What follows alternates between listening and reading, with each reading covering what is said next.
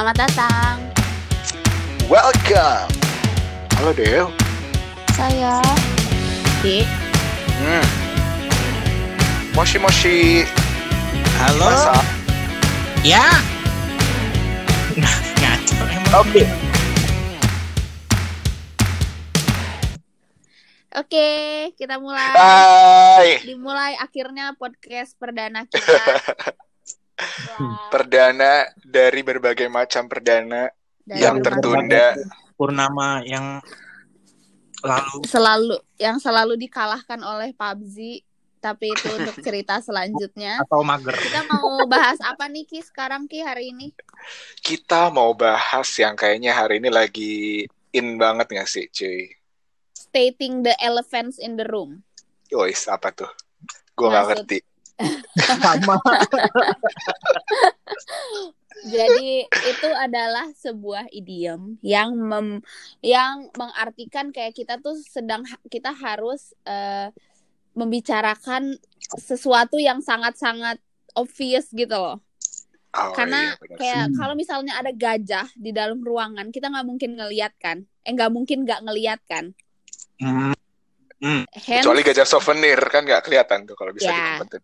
makanya ada idioms yang eh, menyatakan eh, kita harus ngomongin the elephants in the room saking obviousnya gitu loh anyway oke. sekian pelajaran bahasa Inggris hari ini Ya guys, jadi kita membahas tentang masalah eh, apa ya datangnya kasus virus Covid. corona, iya COVID. COVID-19 COVID-19 yang singkatannya berarti coronavirus disease 20,000 of 19 Wow, lengkap ya kayak ibu dokter. Oh ya, saya eh, sering mengedukasi diri saya ya. ya. Maklum Jadi kaum kaum tidak teredukasi macam kita ya Bim ya. iya. Ini ini kok jadi Kita- formal ya, Mut? Podcastnya, Mut? formal dari mana? eh, guys, Orang guys, kita guys. banyak ha- hahinya. Sebelum sebelum kita mulai lebih lanjut, angka baiknya kita perkenalkan diri terlebih dahulu. Oh iya betul. Ya ampun, kita ber Ada berapa kita orang di sini? berasumsi kita berasumsi eh, semua orang udah kenal kita ya. Oke, dari siapa dulu? Dari dari yang paling tua dulu lah. Mute, Mute. Lagu apa paling muda? Sialan. Mutiarto. Ya udah. Saya saya Mutia asal Jakarta yo. Yo, sedang tinggal di Jakarta. Eh sedang tinggal di Balikpapan, Kalimantan Timur. Wow, ya, halo Mutia. Hai. Oke, selanjutnya. Selanjutnya Rizky Mutiarto. Eh, salah dong, gua itu. Oh iya iya iya iya iya iya. iya. Gua ya, gua Bima sekarang eh lagi di lagi apa ya namanya ya? Eh bukan di pelosok juga sih gua nih sebenarnya, cuma jauh aja. gitu. Buruan anjir. Pasti pada nggak tahu gitu kan. Eh pasti kalau pada dibilang gua dari eh lu di mana sekarang, Bim? Gua di Muara Bungo. Hmm? Muara Bungo. Di mana tuh? Nah, gitu. Pasti kan. ya sampai Emang sekarang juga gitu. gua gak ngerti. emang di mana tuh bang? Iya, dari Muara dari Bungo, 10 Bang. orang gua yakin lah tujuh setengah orang yang tahu.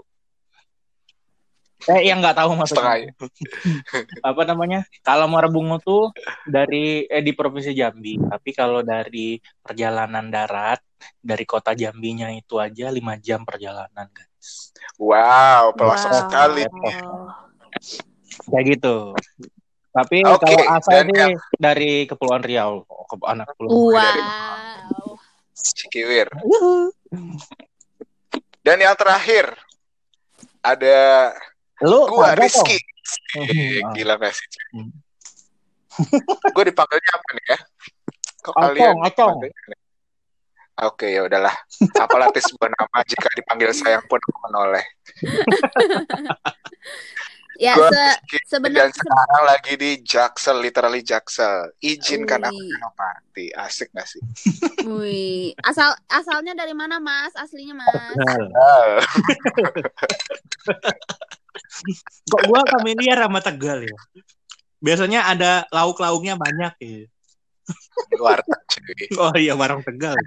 warteg itu kayak lu nggak apa ya di mana pun lu berada tuh pasti menemukan warteg Eh eh Cong, Cong, tapi di Tegal itu nama warung makan itu warung Tegal juga nggak sih?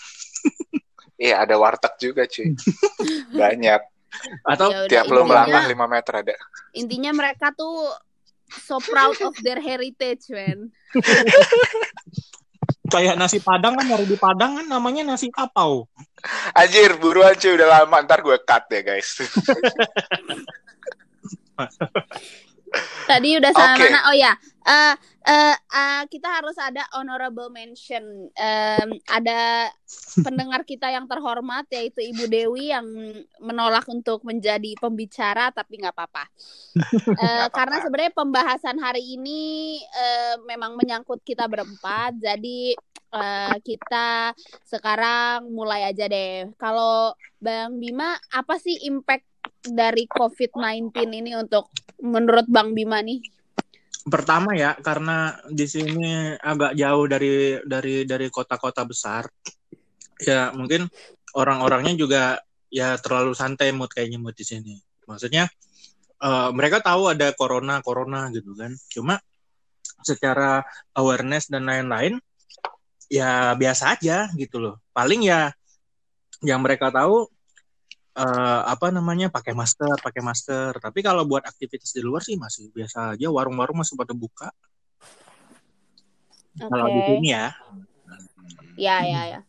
Tapi sebenarnya nih abang ya, orang-orang itu di sana budaya kayak nonton TV atau eh, sebenarnya mereka inform gak sih sama sebenarnya corona ini se dangerous dan se apa ya, se urgent apa? Cuman apakah mereka tuh terinformasi dengan baik? Hanya mereka memilih untuk mengabaikan karena mereka masih belum terkena dampaknya atau mereka tuh emang dari awal udah tidak terinformasi dengan baik? Nah, kalau buat terinformasi dengan baik tuh udah kayaknya. Kalau nonton TV gitu-gitu kan orang media sekarang banyak banget media berita entah dari Facebook mereka bacanya entah dari apa gitu kan. Cuma Iya kita sih, tahu, benar. cuma mungkin santainya tuh karena ngerasa oh Bungo tuh jauh nih di sini. Sementara orang-orang yang masih positif itu banyak kan sih di kota-kota gede, misalnya di Jakarta gitu-gitu. Jadi mungkin ngerasa oh Ah, oh masih jauh nih dari Bungo gitu kayaknya. Entah entah nanti bakal Iya bakal berubah kayaknya kalau ada yang positif di provinsi Jambi aja misalnya. Ada yang positif nih misalnya. Nah itu Ah. kayaknya sih bakal bakal agak lebih sepi ya aware gitu kali lebih Iya, aware dan ag- lebih agak uh, udah deket udah deket gitu. Nah. Berarti dengan dengan kesantaian itu orang-orang di Buara Bungo ini nggak ada yang kayak panic buying gitu kan? Kalau Atau tetap panic- sama aja? panic buying sih paling masker doang yang habis yang ya sama panic buying kayak yang di Jakarta gitu-gitu. Maksudnya itu gini mood kalau panic buying eh eh, masih eh, ngefek lah gitu di di orang-orang sini. Cuma yang nggak ngefek itu ya aktivitas di luar yang gitu-gitu jadi Hmm. semua bisnis eh, orang-orang bunga ini ya tetap jalan yang punya rumah makan tetap buka yang punya ini tetap buka kayak gitu nggak kayak jadi Hmm. ujuk-ujuk jadi sepi kotanya gitu nggak Hmm, ya ya ya ya. Hmm. Sebenarnya kalau di balik papan sendiri ya, untuk inform itu mereka tuh sangat inform menurut gue. Kayak karena balik papan tuh hitungannya masih kota gede, beda sama Hmm. Muara Bungo.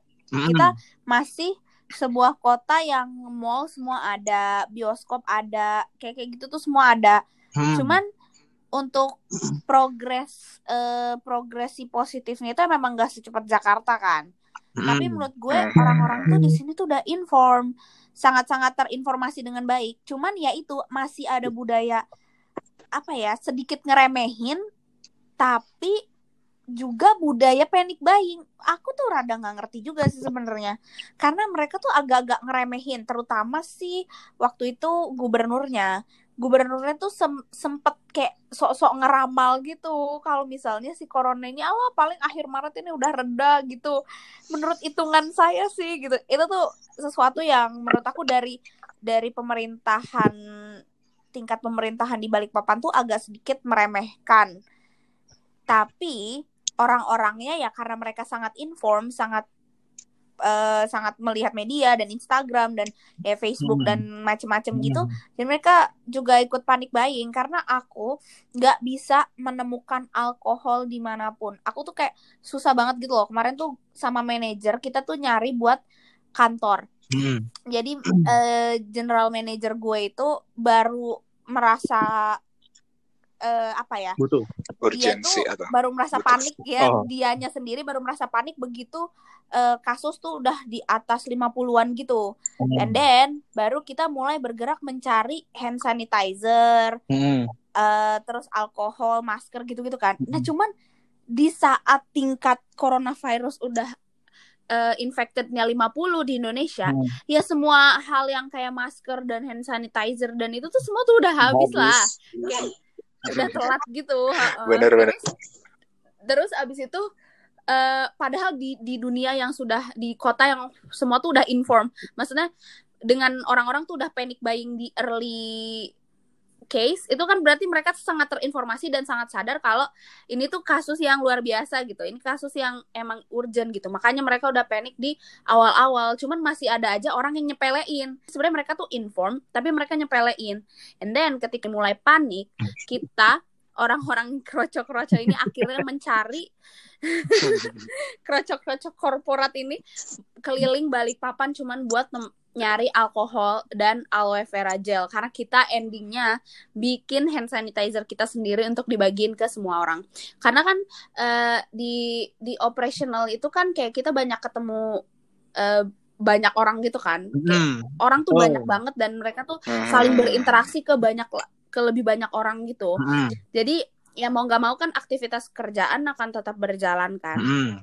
Ditambah lagi saat Hmm. saat awal-awal si si pem- ngebuat si hand sanitizer sendiri ini itu tuh di Balikpapan tuh masih belum ada yang positif corona kalau nggak salah. Terus begitu udah lewat semingguan ini kita sibuk bikin hand sanitizer dan Jakarta udah mulai lebih chaos lagi udah sampai 220 yang eh, Hmm. yang ini dalam span waktu seminggu and then akhirnya eh, di di Balikpapan juga akhirnya udah terdeteksi empat orang positif gara-gara mereka eh, ini eh, ikut acara yang di Bogor itu yang apa acara acara ceramah sama ada acara gereja ada dua acara di Bogor yang dihadirin sama gubernur apa wali kota Wali Bogor kota yang kena tuh. wali kota iya betul wali kota Bogor Iya yang wali kota wali endingnya- kota. endingnya positif corona kan Hmm. Nah, Iya. orang yang datang ke acara itu Hmm. Di Balikpapan ini akhirnya balik ke Balikpapan dan dia deteksi deteksi positif. Eh, tapi tapi mut mut mut. Nah, Tapi kalau ngomongin tentang wali kota Bogor si Kang Bima itu apa namanya? Katanya sih dia ketularannya dari Turki ya pas balik eh pas abis kunjungan kunjungan kerja gitu dari Turki pas baliknya baru mungkin Hmm. mungkin kayaknya abis kunjungan kerja dari Turki ada acara itu kali ya iya kayak mungkin sih. Pokoknya intinya dia Mungkin bisa positif. jadi sih. Dia positif. Aku juga Eh, baca kayak kronologisnya Iya, gak nggak nggak inget kronologisnya, cuman ya si si eh, si orang yang di Balikpapan itu positif gara-gara abis ikut acara yang di Bogor itu. Hmm. Karena dirunut terus kemudian eh, ketahuan kalau di acara itu ada yang positif. Jadi ternyata dia juga positif. Hmm. Nah, dari situ akhirnya yang dari Balikpapan itu yang biasa aja, Hmm. endingnya di kantor aku tuh sem apa pintu mulai dibatasin akses masuk. Hmm. Habis itu dipager-pagerin tempat-tempat yang nggak seharusnya dipagerin. Itu jadi mulai lebih eh, Pak akhirnya mereka take take things seriously gitu loh yang sebelumnya cuman well informed, Mm-mm. takut tapi menyepelekan.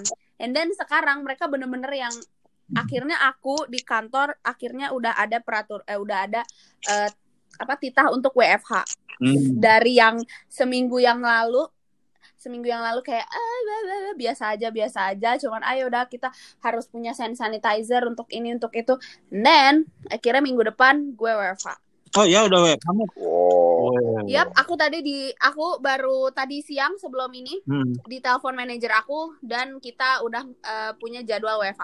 Soalnya eh, WFH-nya itu Hmm. ah ada motor lewat anjir kenceng banget boy. Sip sifan ya? Apaan tuh? ada motor kenceng banget anjir.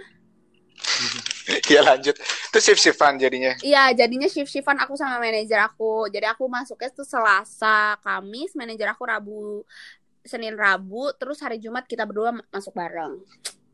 Gitu. Oke. Itu kalau kalau COVID-19 di Balikpapan ya, kronologis dalam seminggu yang seminggu doang terus bener-bener dari span yang kita eh, begitu doang terus abis itu makin banyak yang positif itu cepet Ya, jadi banget jadi penyebarannya. kemarin tuh yang di sini kan eh, apa namanya ngomong kan dia bilang gua ya katanya waktu masih di Wuhan aja itu masih merasa anteng gitu kan tapi agak-agak panik lah Wuhan katanya, Hmm. orang-orang Cina kan pada pada nyebar-nyebar ke mana-mana terus sampai akhirnya Jakarta dinyatain positif itu dia makin panik Mut. dari sejak Jakarta itu positif itu nggak pernah ke kantor lagi kalau ada apa pun Wow. itu dia pasti ini apa dia juga katanya sih memang kena ini memang kena uh, apa namanya sindrom panik gitu. Jadi paniknya berlebih.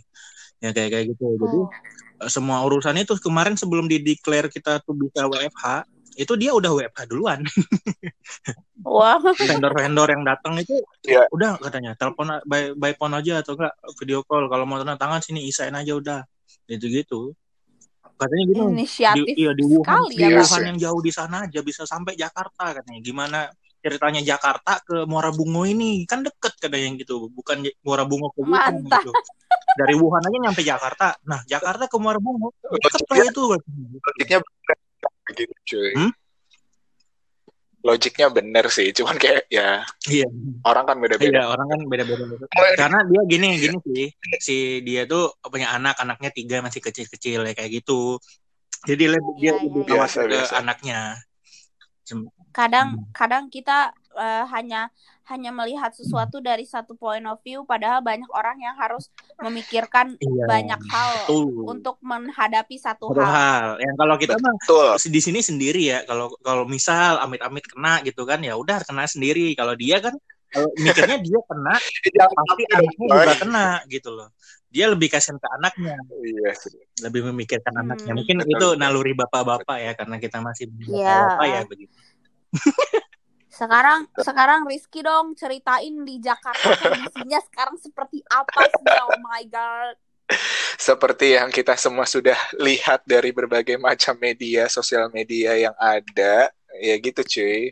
Jakarta sekarang tuh ya sebenarnya nggak nggak nggak apa ya, nggak mati-mati juga sih kotanya. Cuman lebih sepi aja sih kerasanya sekarang gue. Cong, lu, Dulu tuh dari yang awal, Hah? lu makan delivery pakai GoFood apa eh, GrabFood gitu? eh iya, gue gue delivery sekarang. Ya temen gue yang yang gawe di di apa namanya tempat eh, tempat makanan gitulah ya apa sih namanya Hmm. terus dia bilangnya gini omset tuh turun tapi kalau buat delivery sih masih jalan katanya gitu jadi ya Nah, itu sih gede sih delivery. Tapi yang yang yang pertama sih kayak gue tuh pas pertama ada COVID-19 itu kan awalnya cuman baru beberapa kan ya nggak bisa dihitung jari lah pas minggu, Depok pertama itu itu. Depok Nah, Depok tuh, Depok dua orang. Terus kita kayak ya udahlah, sans, sans gitu istilahnya di Jakarta. Hmm. Cuman orang-orang udah mulai pada yang beli ke sana supermarket dan media media langsung rame gitu kan. Hmm. Terus kalau kalau gue sendiri sih masih santai-santai aja gitu kan. Dua hari, selang dua hari, tiga hari, empat hari, makin nambah tuh dari 10, terus habis itu makin 100, tiba-tiba sekarang sampai 300, wah langsung rame cuy satu kantor gitu kan. Hmm. Orang di di di kantor-kantor lain udah mulai nerapin WFH pas mereka tuh udah yang cuman baru 100 mungkin ya, di angka 100 Hmm. di angka 100 eh, yang kena COVID itu di Indonesia, mereka langsung ngejalanin WFH. Yang kerasa banget yaitu ketika eh, mayoritas orang-orang itu pada WFH Hmm. di hari pertama itu kan eh, Gubernur Jakarta kan langsung ngeluarin statement kan bahwa transportasi publik akan dibatasi, jadwalnya akan dirubah istilahnya. Jadi akan dikurangi armadanya. Hmm. Nah itu kerasa banget tuh langsung macet di mana-mana karena pada pakai kendaraan pribadi kan. Mm-mm. dan orang-orang yang naik public transportation itu pada antrinya panjang Ah, banget betul, kayak di busway itu nggak ketulungan MRT apalagi itu di hari pertama tapi surprisingly di hari kedua itu sepi banget guys. Udah mulai WFH gitu Kayak- nah ha, ha, ha, bener. Di hari pertama itu kan udah WFH di hari kedua WFH itu udah langsung jalanan tuh sepi banget kerasa banget. Hmm. kayak Jakarta itu kayak berasa kayak pas Lebaran gitu. Gue kemarin Iya, pulang gue lihat lewat story lu. jalan Ja- tendean coy. Hmm. tendean tuh nggak akan pernah nggak Iya, macet. Iya. apa jam 6 maghrib. Itu tuh gue kayak pas lebaran kosong melompong gitu kayak wow dan kantor gue masih ya oke kita masih tetap berangkat Tapi kan Terus, apa, terus? semenjak kantor lu tapi uh, katanya ada yang meninggal itu yang positif corona, emang dari kantor kagak ada ini, Kang? Kagak ada meningkatkan ya, meningkatkan uh, tingkat awareness-nya gitu gimana? Nggak ada ya? ya kan per- pertamanya kan itu bahwa diketahui itu kan negatif kan ya Hmm, hmm. Pertama kan tuh negatif tapi baru-baru keluar itu kan setelah udah coronanya udah 100 du- 150-an apa kayak yang pengin pe- apa penderitanya Hmm. penderita apa sih? pasien Dan ya ampun. Pasiennya udah sekian lah. lanjut lanjut Hmm. lanjut Terus kayak sebenarnya ya dari mulai itu pun setelah keluar statement dari Ridwan Kamil, terus ya kita langsung itu udah mulai-mulai WFH itu. Udah mulai-mulai ada WFH, terus ya udah kita kalau gue ya, kalau gue nanggepinnya sendiri ya udahlah. Karena gue pikir kalau ya udah kalau misalkan apa usia umur kan ada di tangan Tuhan. Cuman gimana cara kita Ikhtiar. buat menangkalnya Ya, iyalah. ikhtiar. Kan manusia dikasih Ya. otak dan pikiran untuk itu. I know Betul. itu Dan- tuh Ah. Yang kayak di media Hmm. kalian lihat aja bahwa panik buying di mana-mana udah mulai, terus habis itu kayak jalanan sepi kelihatan kan pasti. Dan akhirnya sampai kantor gue memutuskan untuk eh, di WFH kan gitu. hmm, akhirnya ya nah, akhirnya kita bisa WFH. tapi kalau untuk kalian berdua ya yang udah ngerasain WFH Hmm. ada nggak sih perbedaan antara WF beneran work from office WFO dan WFH Ada banget. Kalau misalnya Ada dibilang sih. ini ya, Mut, apa namanya WFH ini, karena kita kerja dari rumah, eh, rumah gitu kan, ya tetap ke bawah-bawa suasana rumah. Maksudnya ya nggak begitu Males gitu ya. Nggak begitu fokus buat kerja gitu loh. Tapi dari sisi produktivitas mungkin agak berkurang ya kalau WFH ini kayaknya. Kalau gua sendiri. Kalau kalau di sisi gue, gue menurut gue malah beda ya. Karena mungkin tipikal kita bekerja beda-beda ya. No. Kalau misalkan gue ya kerasa bedanya pasti ya. Kalau di kantor kan banyak teman, terus habis Hmm. itu langsung kalau ada order directly bakal dikasih gitu Hmm. kan. Tapi kalau misalkan menurut gue yang WFH sekarang, gue ngerasa bahwa gue kerja lebih fokus walaupun kayak misal gue ngerjain itu setengah hari gitu kan. Gue dapet uh, istilahnya satu tumpuk. Sedangkan kalau di kantor satu tumpuk itu bisa gue kayak kerjain baru selesai itu dari ya office hour gitu loh. Hmm. Terus kayak wow, kita gue Hmm. Asik juga WFH gitu. Karena mungkin hari pertama kali ya Iya. gue ngerasa. mungkin gini gini Cok. kenapa kenapa eh, apa hitungannya tuh gua ngerasa kalau WFH itu kurang seproduktif kantor pertama itu masalah jaringan cok jadi jaringan jaringan Oh. internet buat akses WFH ya jadi kan kalau WFH kan kita lebih ke apa ya namanya ya kalau dari kantor pasti eh dari luar kantor pasti butuh VPN buat akses intranet yang gitu-gitu Ya. Betul. sementara eh, kebetulan di kerjaan gua itu kebanyakan kan berhubungan sama perangkat perangkat gitu kan Hmm. perangkat itu ya pasti kalau biasanya lewat jaringan kantor intranet langsung di kantor itu lebih cepat akses eh, lebih cepat Oh eh, bener bener bener. aksesnya ya ya ya sementara kalau buat Iya iya itu kalau juga lewat sebenarnya. VPN itu lemot karena orang-orang kok juga pada make jalur VPN yang sama kan jadi lemot nah itu Ah. yang bikin bikin apa ya namanya ya eh, pace-nya itu beda gitu loh Hmm, hmm, hmm. Oke, Ya sih. oke. Iya Kemarin sih, juga benar-benar. si Yan, Yan itu eh, kayaknya satu kantor sama si Dewi. Dia tuh dia tuh juga cerita kalau internetnya tuh di rumah tuh ngadat-ngadat gitu. Terus Hmm. kayak karena kalau dia biasanya cuman balik ke kosan itu kayak pemakaian internetnya cuman untuk ya ya ya cuman gitu-gitu aja lah ya. Jadi Hmm. nggak terlalu yang very very important. Kalau important ya dia pakainya HP dengan pakai koneksi seluler biasa, bukan internet eh, wifi kosan. Cuman begitu dia harus WFH, dia harus mengandalkan wifi kosan Mm-mm. yang dia berharap harusnya lebih stabil daripada dia harus terus-terusan tethering dari HP-nya kan. Hmm. Eh ternyata wifi kosan dia tuh sama sekali nggak memadai gitu. Jadi akhirnya untuk dia work from home itu ketidakproduktifan dia itu diawali gara-gara internetnya dia tidak mem- mendukung. Hmm, Nah itu. Kalau cerita Hmm. temen aku sih seperti itu sih Yan. Kalau kalau gue sih sebenarnya maksudnya emang sama ya masalahnya kayak Dewi ataupun Ian itu eh Dewi Bima ataupun Ian gitu kan. Iya. Mungkin dari masalah konek koneksi gitu kan. Gue juga sebenarnya kalau misalkan ada lain internet kosan juga nggak nggak bagus-bagus banget gitu istilahnya. Cuman ya gue kalau misalkan untuk yang urgensinya tinggi ya gue pakai tethering Iya, akhirnya. gua jadi Cong yang di kamu tuh eh, kebetulan di rumah gua nggak pakai internet dari apa namanya tuh ISP ya, tapi kami tuh Iya, kami ISP. tuh Mhm. kami tuh eh, murni pakai tethering Cong. Nah, itu pakai tethering aja lemot Wow. gitu loh maksudnya. Dengan keadaan Oh kalau udah eh, dengan posisi dengan mah. posisi kosan kami itu udah diatur sedemikian rupa supaya kualitas Aha. sinyalnya itu maksimal. Nah, itu udah maksimal aja lemot. Wow. Ya, Iya, iya, ya, iya, iya. itulah yang menyebabkan WFH Siap. ini kurang kurang kenceng aja larinya kalau WFH gitu. Hmm. Ini aku nih eh kalau aku ya, karena aku kerjanya di bidang finance, jadi emang di kantor aja tuh nggak ada kerjaan. Apalagi nanti gua di rumah, men. Anjir. nggak pernah di gua ngerasa nih ya selama di kantor jarang banget ada sesuatu yang super urgent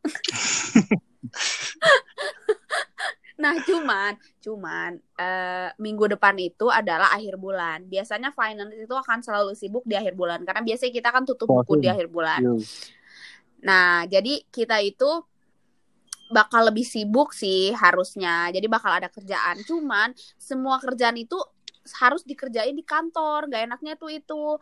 Karena kita tuh kan berhubungan sama dokumen ya. Pasti kan kita harus nge-cross check dokumen dari folder A, folder B, harus nyari-nyari yang di di tempat A, di tempat B kayak gitu. Karena kan eh, kita nggak Iya, iya. semua nggak semua kalau finance itu kita nggak boleh semua jejak digital doang, harus ada jejak eh, paper Basah, paper trail tangan karena basah. finance itu eh eh, betul kalau finance tuh nggak boleh kayak gitu jadi kan kita nggak mungkin dong cuman bisa memantau via digital aja via via rumah doang tuh nggak bisa. Mungkin ada sistem-sistem yang kita bisa pantau dan lakuin dari rumah. Cuman kita butuh ngeprint kita butuh kayak gitu tuh yang nggak enaknya dari finance WFH tuh kayak gitu.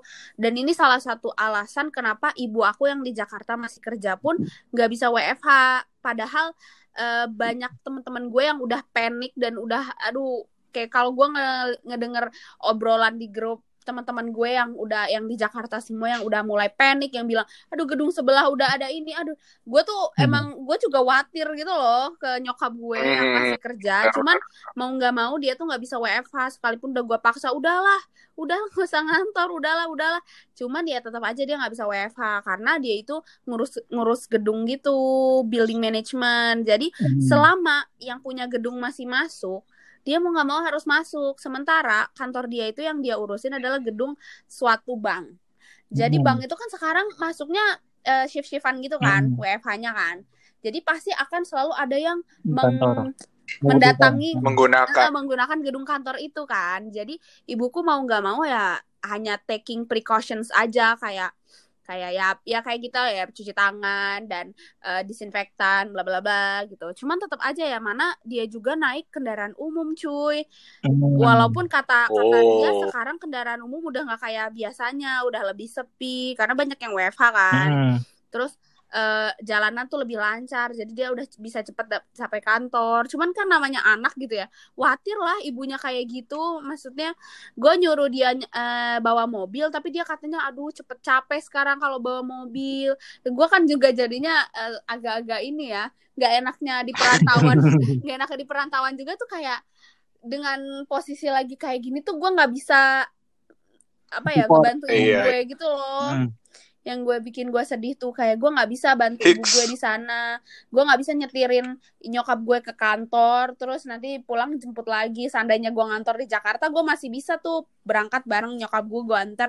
Nanti gue datang ke kantor atau kalau misal gue WFH kan misalnya gue WFH ya gue bisa antar jemput nyokap gue ke kantor mendukung dia lah untuk tetap safe. Ya jadi benar-benar cuma rumah kantor rumah kantor yang gue yang gue rasain tuh sekarang tuh gue jadi kayak khawatir banget gitu. Gue menyesali tuh adik gue nggak bisa nyetir jadi dia nggak bisa nganterin adik gue kayak nggak nyanterin nyokap gue kesel banget gue.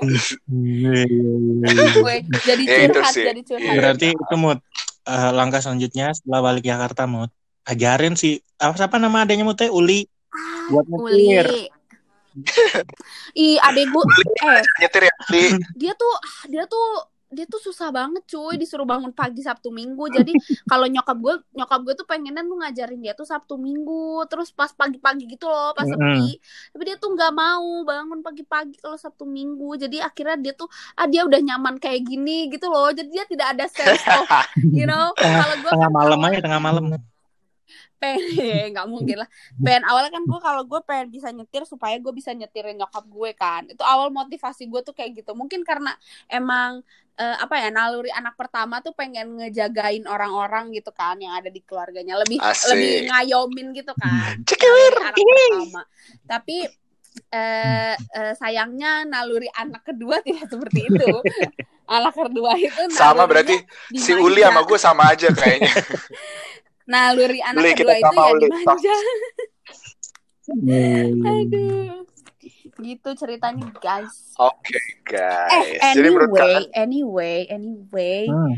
ngomongin Apa soal anjir? impact pribadi. kita udah 37 menit, guys.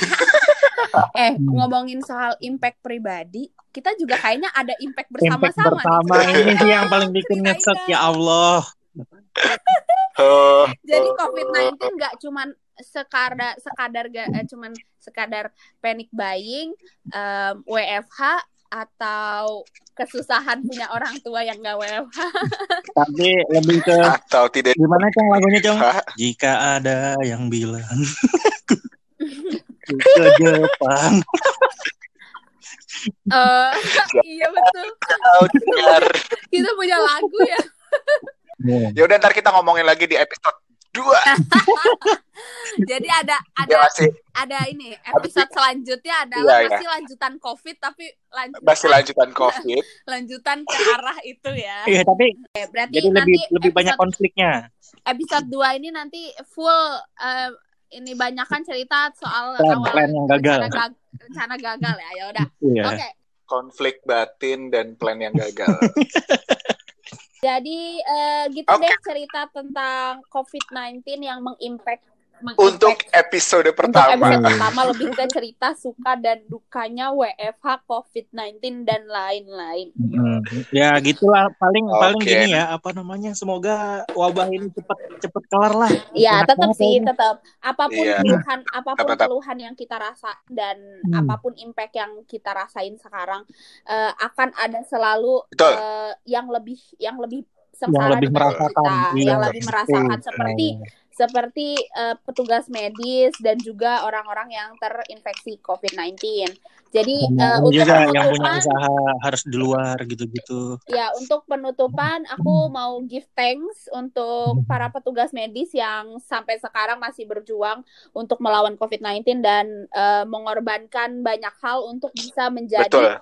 eh, frontline melawan COVID-19 di Indonesia maupun di seluruh dunia. Kayak kita juga Betul bisa sekali. harus mendoakan teman-teman kita di luar sana sesama human, ma- uh, our own humanity harus harus saling mendoakan supaya wabah ini cepat selesai dan semua orang bisa kembali ke Amin. Betul sekali ya. on Acong that, di Jakarta. Sampai jumpa di episode on 2 that ya. note, Ntar ini On episode that 2 bakal ngobrolin tentang yang heboh-heboh on that lagi. note kita akhiri dulu episode pertama dan episode perdana podcast kita. Yeay. Hashtag stay at home, hashtag di rumah aja, hashtag social distancing ya guys karena kita hashtag main PUBG karena kita tidak sedang berada di satu ruangan yang sama Yuk. oke Oke. okay, see you see you, see you. Dadah.